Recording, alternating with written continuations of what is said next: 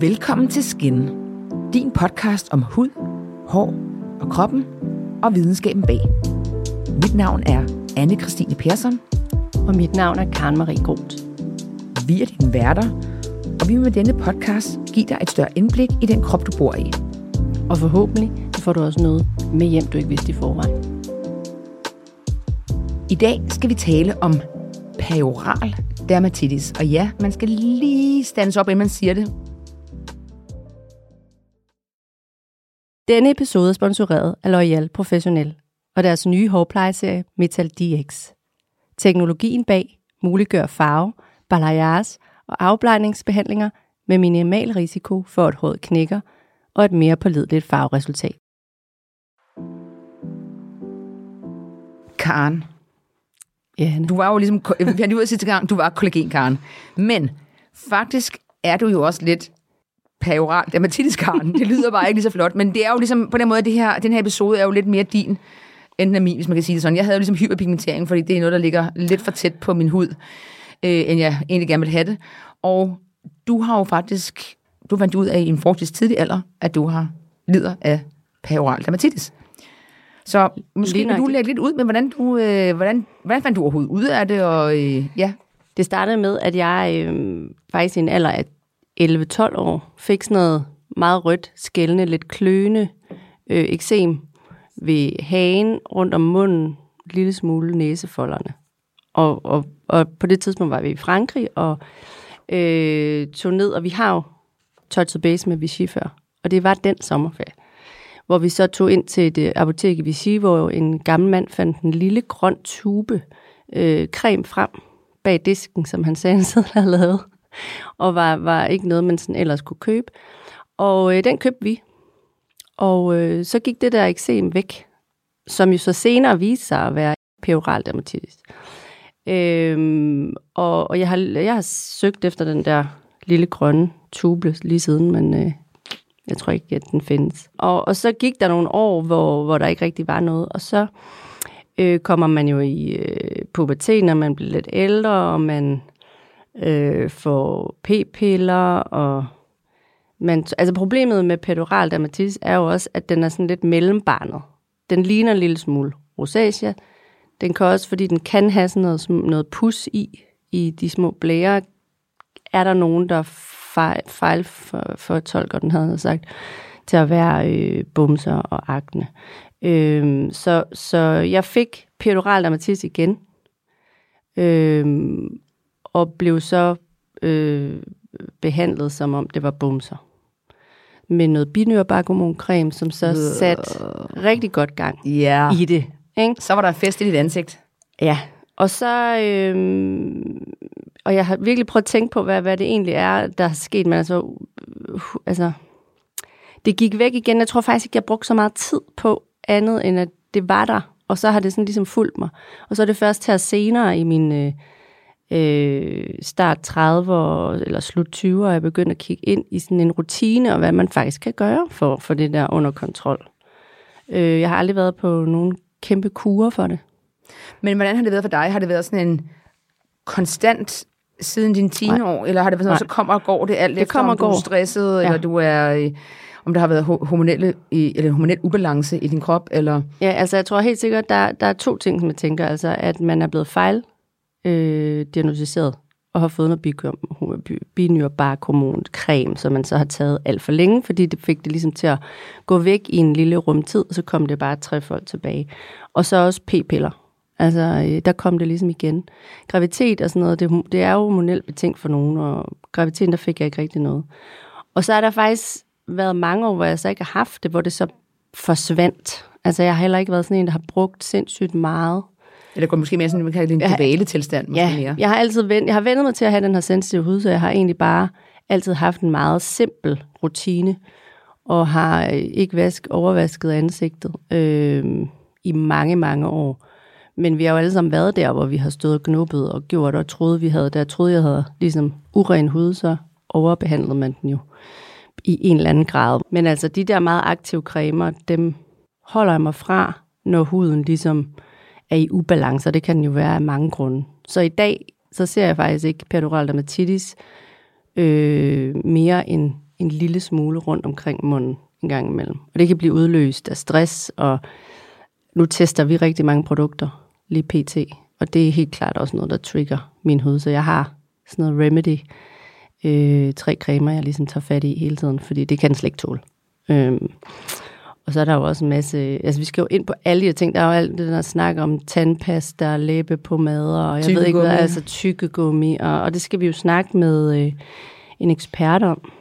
Så jeg glæder mig rigtig meget til at få øh, dagens ekspert i studiet, som hedder Tamara Lund, og er læge på Bispebjerg, til at hjælpe med at opklare, hvad den her, det her mellembarn er for en størrelse.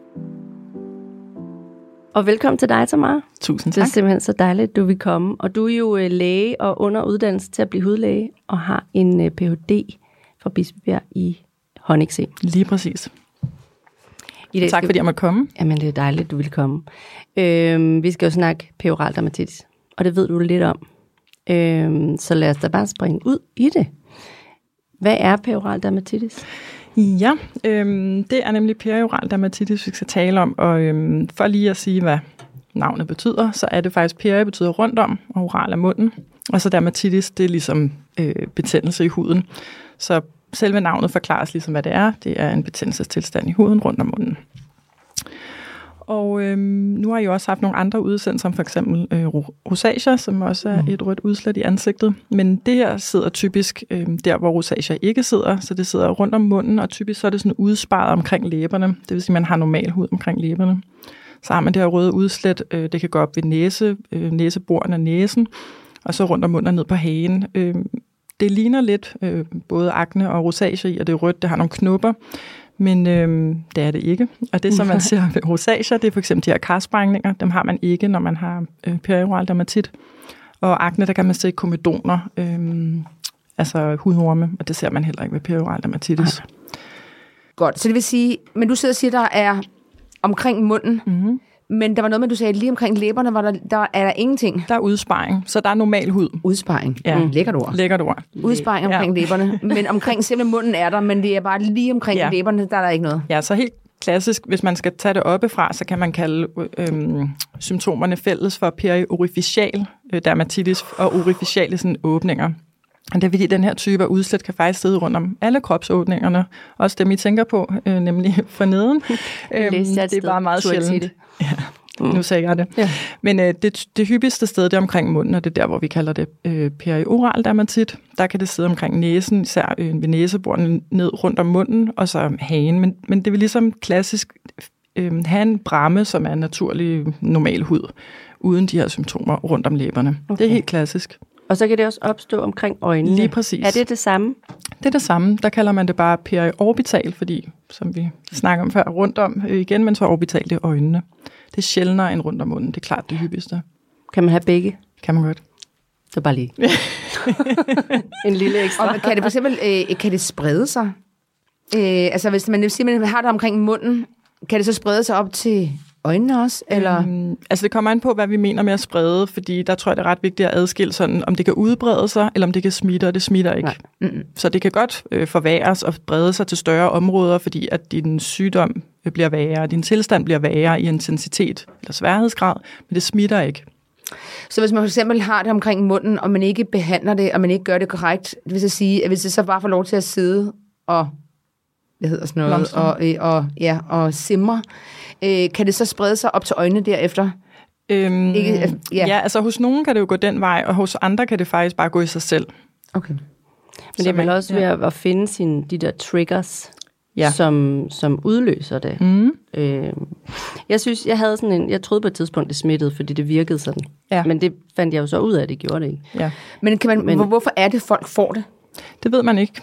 Egentlig, det er, øh, det er sådan, oprindelsesårsagen er ukendt. Man ved, at der er en masse forskellige årsager, både indefra vores egen krop og udefra det miljø, vi lever i, som kan øh, forårsage det og udløse det og forværre det. Og selvfølgelig øh, den gode side ved forværing er, at der er også nogle ting, der så kan forbedre det, men man ved ikke, hvorfor man får det.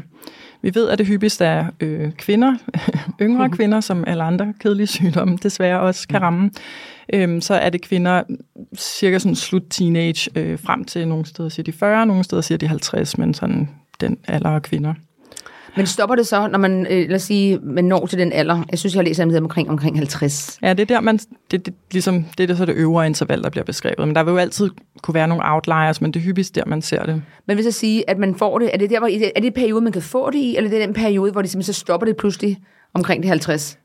De kvinder, man ser med perioral dermatitis, eller afarten omkring øjnene, eller øh, ved vagina, eller hvor det nu end sidder, øh, de vil have en alder, der hedder cirka 16-50. Hmm.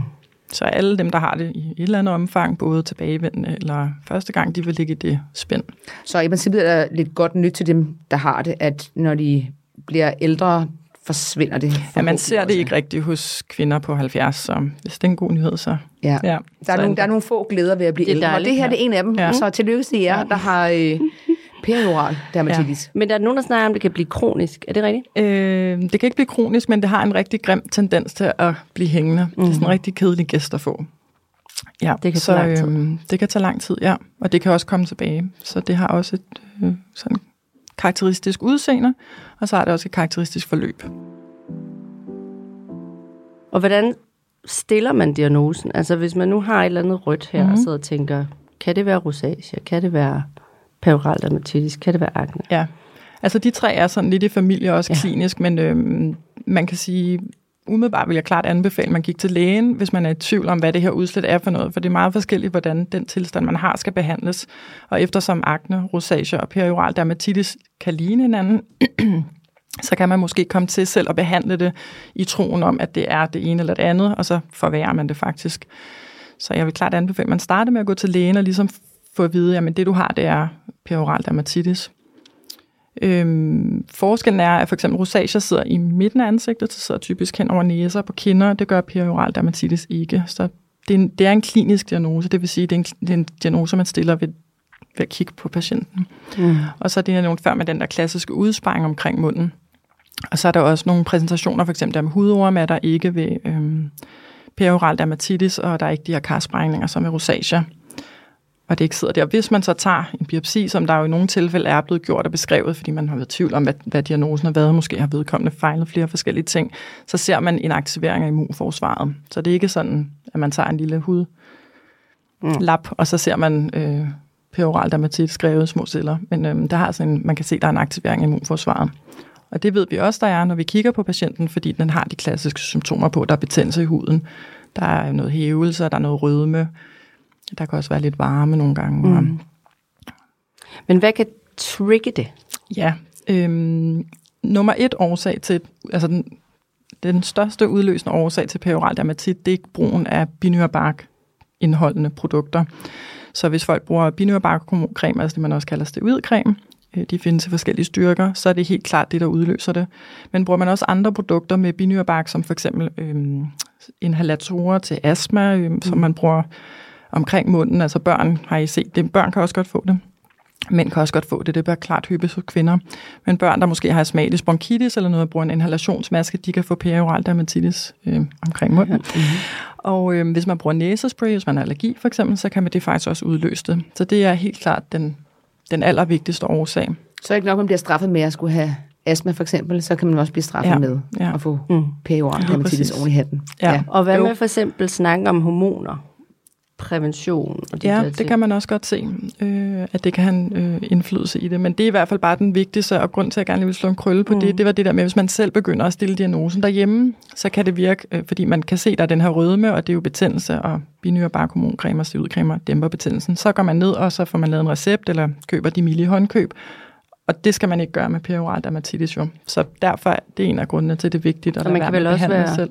fejldiagnostiseret, og så få det kan man også en, godt. det skete for mig, og så fik man mm, sådan en, og så lige pludselig fik ja. man en gave. Ja. Så er der øh, fest i hunden. Ja, så ja, blev det bare endnu værre, ja. da så stoppede, ikke? Jo, jo jeg tror, det er som vi, vi også altid, vi, vi er rigtig glade for, at folk sidder og lytter med her, men hvis folk er i tvivl omkring, hvad deres hud er, så er det helt klart vigtigt at, at snakke med sin ja, hudlæge også. Man, det, her, det kan være sådan en informativ podcast, men for guds skyld, hvis man er i tvivl om, hvad det er, man har af ting i ansigtet, så mm. skal man altid ja. Ja, for så slipper man netop for måske at gå i en lang tid. Der er sikkert nogen, der er gået i en årrække. Ikke? Også fordi det vil altid hjælpe i starten, når man bruger det her inflammationsdæmpende, som stivudcreme jo er. Og så ser man jo meget normalt ud igen og bliver mm. glad. Og så stopper man, eller prøver at udtrappe, og så blusser det op igen og bliver forfærdeligt. Og den cyklus vil man så hænge i, hvis man ikke har fået stillet den rigtige diagnose, eller eller er blevet fejlbehandlet. Mm. Ja. Hvad med, hvad med hudpleje? Altså, mm. er der nogle ting, nu spørger jeg lidt ledende, Ja. nogle ting øh, inden for, altså cremer, kosmetik? Ja.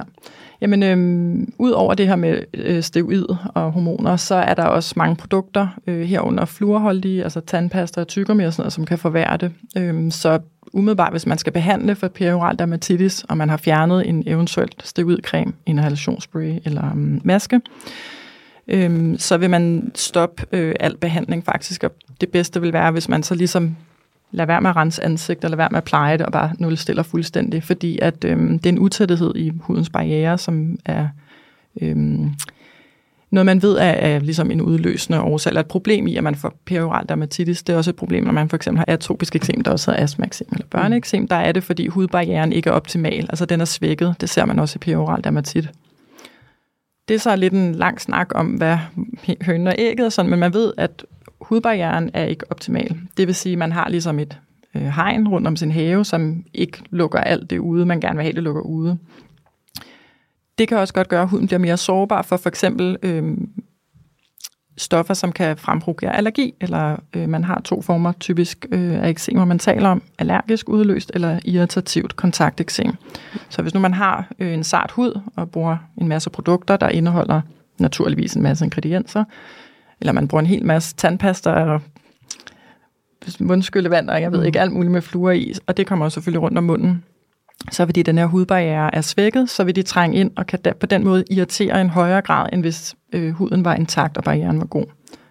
Så man skal stoppe med at bruge alle sine produkter, man skal prøve at kigge i sin tandpasta, for eksempel der er fluor i, eller hvis man bruger sådan noget mundskyllevæske, eller så man skal nulstille huden. Det, det vil være, når man får fjernet det ud, så nulstille huden. Fordi, igen, ligesom med steroidcreme, hvis man tænker, man har akne, så går man måske helt bananas med at købe alle mulige syreprodukter, og det gør også perioral dermatitis værre. Det hjælper på akne, det gør det ikke her. Det er ligesom at kaste benzin på et bål, der ligesom brænder. Ja, men man kan jo få lyst til at gøre det, ikke? for man ja. vil rigtig gerne få det til at gå væk og blive pænere, og det er jo ret stigmatiserende at have alt muligt ansigtet. Ikke? Der er lavet store undersøgelser, der viser, hvordan folks livskvalitet er påvirket, blandt andet ved akne. Og det er jo den her boldgade, så man ved, at livskvaliteten er, er påvirket. Men hvis man så går ned og tænker, nu skal den bare have, og jeg køber en hel masse lækre ting, og der skal bare være syre i det hele, så det spilder penge.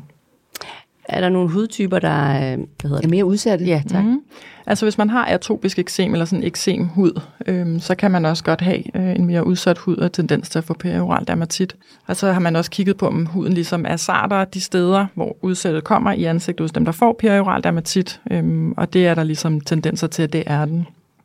Når man har en svækket hudbarriere, øhm, så er den jo både mere sårbar modtagelig over for udefrakommende ting, som kan give allergi eller give kontakteksem. Men øh, man mister faktisk også øh, fugt eller vand, fordi at den kan ikke holde på det, den skal holde på. Så man taler om, at den både skal holde noget inde, men den skal også holde noget ude. Og den mister jo lidt evnen til at gøre begge dele, når den bliver svækket. Så det der med, at man har fået at vide, kan jeg huske, man fik, det første fik at vide, bare sådan, at være med at bruge noget. Ja, Ikke noget sådan noget. Det virkede ikke for mig. nej. Der gik huden bare sådan helt i, ja. i selvsving. Så kan man heldigvis også behandle. Men som udgangspunkt, så vil man jo ligesom have sådan en trappe, behandlingstrappe, mm. ikke? og så er det bare meget godt lige at nulstille og prøve at få hudbarrieren til at komme sig. Man kan godt bruge nogle rigtig milde produkter, for eksempel. Øhm, altså, ligesom man også vil kunne anbefale ved andre.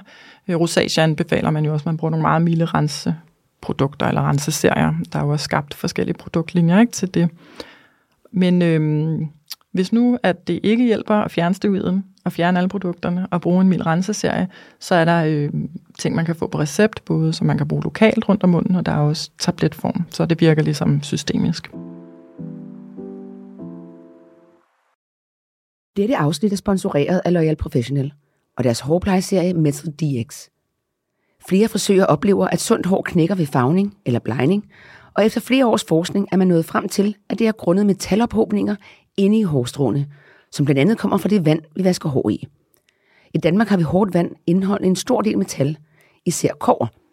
Loyal Professional har derfor udviklet serien Metal DX med det metalneutraliserende molekyle glykoamin, og testresultaterne taler for sig selv.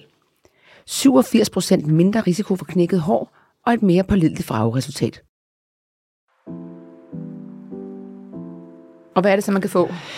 Ja, men, nummer et ting, man kan få, det er ligesom sådan en creme, der hedder metronidazol, og hvis der er nogen, der lytter med, som har perioral dermatit eller rosacea, så kender de den helt sikkert godt. Jeg skulle det sige, det, jeg kan huske det navn fra vores Ja. rosacea-afsnit. Ja, så, øhm, så det er nemlig øhm, det er nemlig noget, der, øh, der bliver brugt. Og øhm, man ved ikke helt øh, 100% hvordan den virker på rosacea og på perioral dermatit, ud over at den er betændelsesdæmpende. Øh, men man ved for eksempel, at den virker på frie radikaler. Altså, det, det er jo også noget, der har med immunforsvar at gøre. Så man skal tænke på, at der er en masse aktivitet i dit immunforsvar, som vi har rigtig meget af i huden, og det dæmper metronidazol. Så det kan man få på recept, og det vil ligesom være first choice øh, Mm. af behandlingen. Så kan man også bruge øh, nogle andre øh, cremer, for eksempel hvis man har et overlap til rosacea, hvis man har røde kinder, man ser, man har nogle karsprængninger på kinderne, øh, men man også har det her nede omkring hagen og rundt om munden, så vil man også kunne bruge sådan en acelainsyre-præparat. Øh, det kan Yes. også godt hjælpe. Øh, og egentlig er det også mere i familie med rosacea Mm. mm. end akne. Så øh, og man har også tør hud ved perioral dermatit, det var det, jeg lige nævnte før med, at der, det som hudbarrieren skal holde fast i, eller hvad skal man sige, ikke må slippe ud, når børnene prøver at løbe ud på motorvejen, Mhm. det er den væske, der er i din hud, og så får man tør hud, når barrieren er svækket. Og så hvis, er der så andre øh, alternativer til medicinen? Ja, altså øhm, det var nogle cremer, man kunne forsøge. Øhm, hvis nu de ikke virker, og man tænker, nu har vi prøvet dem her i nogle måneder, eller det, det dur bare ikke, det bliver slet ikke bedre, så kan man prøve nogle antibiotika på tabletform. Fordi man ved, at når man har en svækket hudbarriere, det er ligesom keyword med hele der med perioral dermatit, øh, som det også kan være med eczema, at øhm, man skal ligesom have styrket sin hudbarriere igen. Og så ved man, når man har en svækket hudbarriere, så ændres pH for eksempel, og der sker en masse af sådan nogle kaskader, altså ligesom dominoeffekt. Og en af dem er også, at øhm, man så bliver mere modtagelig over for bakterier. Så der kan komme en øget bakterievækst. Og der er måske mange, der kender den bakterie, der er Staphylococcus aureus. Det er sådan en type Ja. af bakterier, der er stafylokokker. De kan give alle mulige sygdomme, og der er mange undergrupper, men det er sådan en, der rigtig godt kan lide at fedt rundt på huden. Man ser hos folk, der har børneeksem, atopisk eksem, astmaeksem, altså tre ord for det samme, at der, hvor de har eksempletter, der har de rigtig meget stafylokok øh, infektion, og den ødelægger også hudbarrieren. Så man kan, øh, man kan få nogle forskellige antibiotika. Hvis man ikke tåler det ene, så kan man få nogle af de andre.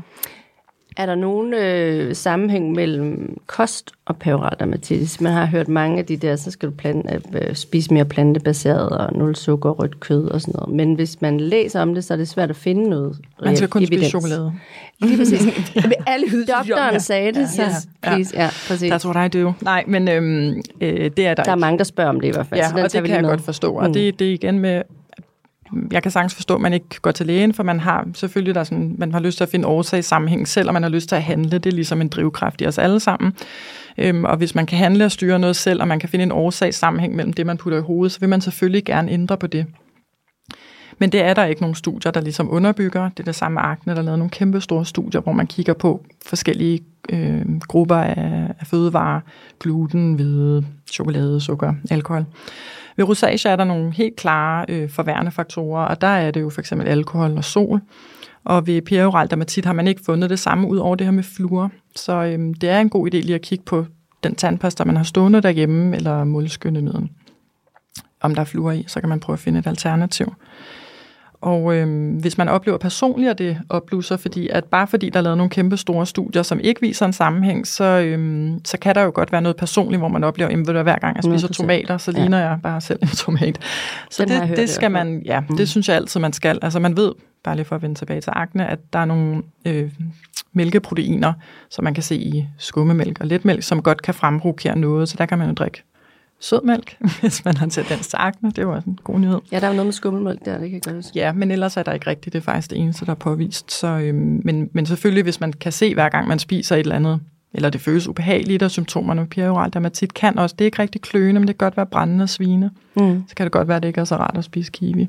Jeg synes, under øh, covid var der noget med de der masker. Ja, Har man set en forekomst af perioral dermatitis? maskene. Ja, som det jo maskene. så fint Jamen maskene, ikke? Hvor folk tænkte bumser, Ja. men, men var Ja. det i virkeligheden? Ja, altså det man kan se, der er lavet nogle store studier, og øhm, jeg kiggede for eksempel på et, hvor at det er fra Wuhan, og man er, altså der, hvor øh, corona ligesom blev opdaget til at starte med, hvor de kan se, at en tredjedel af det sundhedspersonale, de undersøger, har faktisk fået udslæt svarende til, hvor øh, masken, altså hvis visiret eller mundbindet har været øh, påsat. Men det man kan se, det er, at der er ligesom ikke en sammenhæng mellem at putte masken på eller mundbindet på, og så får man perioral dermatit. Men det man kan se, der er også nogle danske studier, der viser det blandt andet fra Bispebjerg, det er, at har man tendens til perioral dermatit, eller akne, eller rosacea, eller andre hudproblemer, eksem, så, så er det en dårlig idé at gå med mundbind. Så er der nogle forskellige råd. Nu går vi jo heldigvis ikke så meget med det mere. Heldigvis. Men, øh, heldigvis. Er vi over I? Danmark i hvert fald. Ja, i Danmark. I Danmark, ja. ja. Jeg ved ikke, kan man komme andre steder hen? Det her? ja. Er vi overhovedet? Kan vi rejse? Ja, nå, ja. Jamen, jeg tænker egentlig der også bare, hvis man har, altså under pandemien, at man ligesom kickstartet den her sygdom, man ikke har haft den før, og sådan noget, Ja. man har kunne se et eller andet. Ja, så kan man have haft tendens til det, ikke? så kan man have haft en, en sårbar hud, altså en sart hud kalder man det måske mere. Ikke? Man kan mærke sådan nogle produkter, man bruger, eller hvis man får noget skrubbemaske eller sådan noget, så de steder lige omkring næsen og sådan de her fuger, øh, nu peger jeg, men sådan rundt om munden, ikke? Og, og hagen, at det, det føles sårbart. Og så putter man et mundbind på og ånder, og det bliver enormt fugtigt derinde bag ved masken, det kender vi alle sammen. Og så øh, ændrer det en smule på, øh, på miljøet der, og, og det giver helt klart, der har man set en masse forskellige, det er også derfor, det bliver kaldt for maskene, en masse forskellige hudsymptomer, som knupper, bumser, rødme, irritation. Hvad er der så alternative øh, behandlingsformer? Nu må man sige, nu vi snakket om de klassiske, øh, øh, der, øh, der er cremerne, mm-hmm. og så er der, øh, hvad hedder det, øh, tabletterne, og så øh, er det selvfølgelig også det der med, med nogle ting, man skal undgå. Men er der andre måder, man kan fjerne det eller holde det nede på?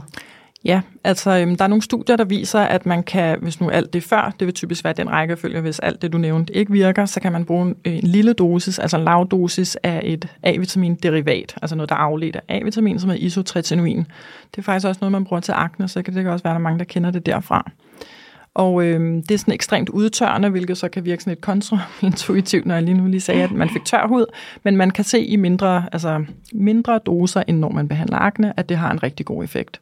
Så hvis man har en rigtig kedelig omgang perioral dermatit, der bare ikke gider at gå hjem igen, så kan man, så kan man det. Og man har ladt den vokse lidt. Ja. Fordi jeg går ikke ud fra, at retinol vil være specielt spændende at bruge Nej. for øh, folk med perioral dermatitis. Nej, og det er jo også et A-vitaminpræparat, bare hvor man putter det på huden. Øh, men alle sådan nogle krasbørstige præparater skal man slet ikke bruge på, øh, på perioral dermatit. Et, et arbejder bare ved det der, hvis nu der er nogen, der sidder og bliver rigtig glade for at høre det her med isotretinoin, som er det her A-vitamin. Det kan man altså ikke kombinere med graviditetsønsker Nej, vigtig og amning. pointe. Ja. Ja. Så jeg sagde noget dejligt, og så dræbte jeg den igen. Hvis det, man skal, så man skal ligesom være afklaret med, at man ikke skal til at have børn. Og øhm, det er ikke en vild lang periode, efter man stopper med behandlingen, øhm, hvor man ikke må blive gravid igen. Men man kan sige, det, det skal man lige gøre sig selv klar. Men hvis nu man er 45 og har fået de børn, man skal have, eller ikke skal have børn, eller hvad det nu end er, Mm. så kan det helt sikkert være en god... Øhm, eller hvis man er 16 og ikke skal have børn de næste 10 år. Yes. Mm.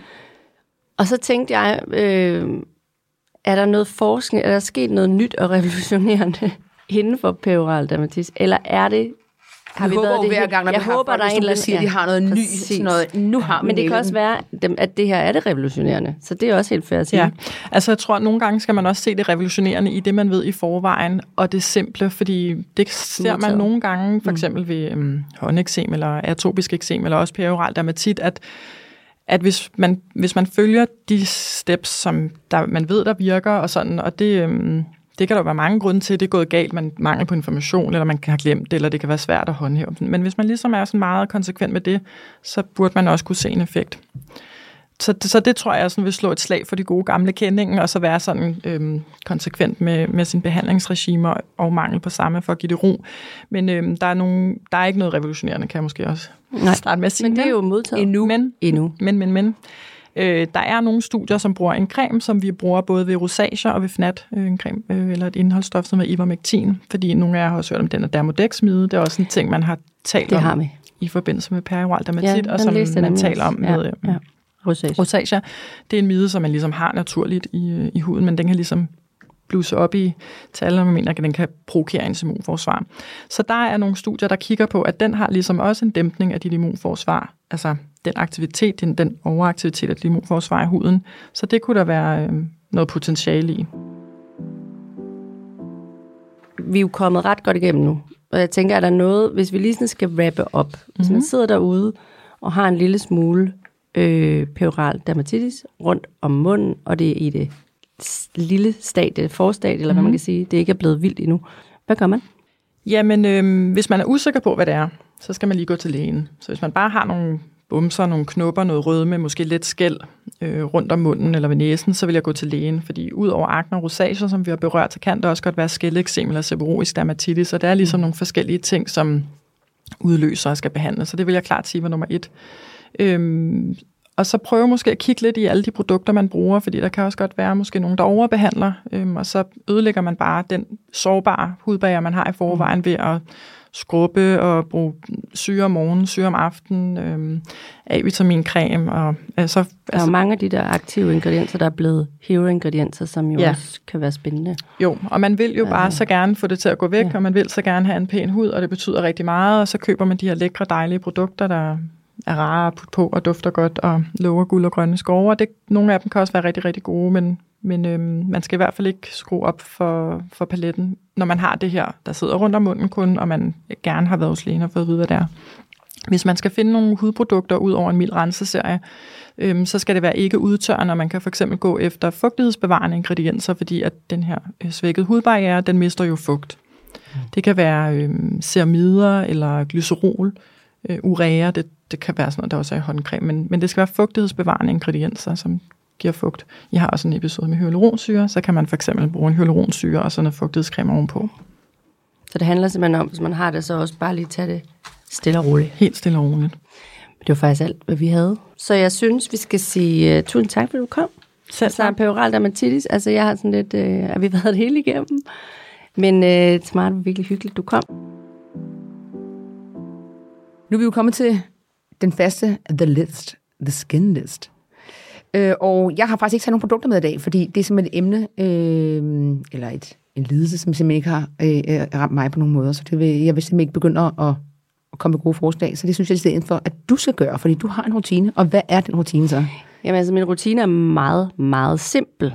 Øh, og jeg vil sige, i forhold til perioral dermatitis, er det jo bare sådan, at det er jo næsten, det der har virket for mig, er det samme som virker for meget sart hud, eller hud, der har inflammation eller er i ubalance på en eller anden måde. Ikke? Så jeg, øh, og jeg har sagt det her før, vasker kun huden om aftenen. Om morgenen, hvis jeg øh, gør noget, så bruger jeg en, øh, en vaskeklud, koldt vand i hovedet. And that's it. Og så har jeg egentlig bare en... Øh, og hvis vi nu snakker ud fra, for det er jo det, vi gør i dag, at man har peoral dermatitis, så, så holde sig fra... Øh, altså fede cremer, serum, og så man bare holde sig til en enkelt creme, og så solcreme. Og det, der virker for mig, er, jeg, jeg har tre, som jeg sådan øh, tyr til, og øh, hvis, man start, hvis vi starter med solcreme, så er det den her, som vi har haft på bordet mange gange fra La Roche-Posay Antelius 50+, plus, som vi begge to er glade den for. Den er ultra fluid, ikke? Jo, og den går ja. ikke så meget ned i, men den fungerer bare for min hud, fordi den, den tilstopper ikke horen, og den irriterer ikke. Den er bare fantastisk. Så er der en øh, Sikkerplads B5, men i gelformen, som er en let øh, gelécreme, som hjælper til at styrke huden. Øh, og styrke den, og det er ligesom det der med at få, øh, der, der, den danner ligesom sådan en beskyttende film på hudoverfladen, og så øh, styrker den hudens naturlige barriere og beroliger huden. Så det handler bare om hele tiden at få den der hudbarriere i balance. Ja, og så det der med, den er i, i, i, i en gel, ja. gel. Og det, det gør jo og, også noget andet end de der cremer, som kan være lidt tunge for... Præcis, og gel er normalt ikke noget, min hud er sindssygt glad for, fordi der simpelthen ikke er nok fugt i. Men øh, den her, den kan både, den kan, jo, den kan jo bruges lokalt, men jeg bruger den faktisk, hvis det er rigtig slemt, bare der, hvor, hvor ligesom dermatitten er. Øh, og så har jeg jo også før nævnt øh, Borm-versionen af selv samme creme. Og den fungerer også rigtig godt for mig, og specielt om vinteren eller hvis huden bare skal have noget mere fugt. Og så øh, handler det om at, at rense, hvis man skal rense huden, så rense den mildt. Øhm, og der vil jeg anbefale Vis Hydrating Cleanser, som jeg har nævnt før. Og den øh, har ceramider, som jo udgør 50% af hudens barriere. Og det er ligesom ceramider, lipider, fedtsyre, der er naturligt i huden, og øh, som også er en essentiel del af hudens beskyttende barriere. Så den er bare rigtig, rigtig god øh, i forhold til øh, når man oplever, at huden er i ubalance eller har inflammation. Øh, og så øh, er, det, er det jo noget med at, at holde sig fra... Øh, altså, min egen erfaring er, ingen olie, ingen make-up. Altså, foundation er virkelig noget, der kan trick min. Jeg har en fra Shiseido, som er sådan tintet øh, dagcreme, som, som jeg har god erfaring med, hvis jeg skal bruge noget. Men ellers så holde sig fra det. Øh, og så rense sine make pensler hvis man bruger sådan noget i det hele taget. Øh, øh, skifte sit øh, pudevår, alle de der ting, så, øh, så man holder sådan huden ren. Parfume selvfølgelig for mig, jeg synes jeg virkelig, det er noget, der kan trigge det.